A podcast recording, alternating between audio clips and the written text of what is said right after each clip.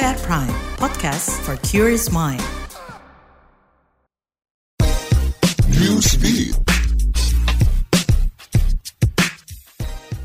Arab Saudi dikecam karena menghukum mati Mohamed Al-Ghamdi usai mengkritik kasus dugaan korupsi dan pelanggaran HAM di media sosial. Melansir AFP, vonis itu dijatuhkan pengadilan kriminal khusus Saudi. Hakim menuduh pelaku melakukan konspirasi melawan penguasa, melemahkan institusi negara, dan mendukung ideologi terorisme. Pegiat HAM menilai vonis ini terlalu reaktif, apalagi akun Al-Ghamdi hanya memiliki sedikit pengikut. Jepang berjanji membantu industri perikanan dan nelayan-nelayan lokal yang terdampak pembuangan limbah nuklir. Ini menyusul langkah Tiongkok yang menutup impor produk ikan dari Jepang sebagai bentuk protes soal limbah nuklir Fukushima.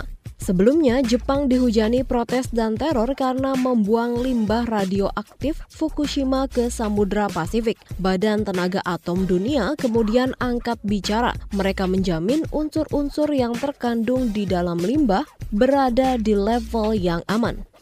Melalui akun media sosialnya, Taylor Swift memuji lagu baru Selena Gomez berjudul Single Soon. Taylor menyebut sahabatnya Selena sebagai yang terbaik. Taylor mengaku tak berhenti menari mengikuti iringan musik Single Soon. Di kesempatan yang berbeda, Selena menyebut Single Soon sebagai lagu yang lucu dan memberikan kenyamanan. Menurutnya, menari sambil mendengarkan alunan musik Single Soon adalah hal yang sangat menyenangkan. Setelah dirilis pada 25 Agustus 2020, 2023 lalu, single Sun menduduki peringkat 100 tanggal lagu teratas Amerika. Lewat lagu ini, Selena mengajak perempuan tidak larut dalam kesedihan setelah berpisah dari pasangan.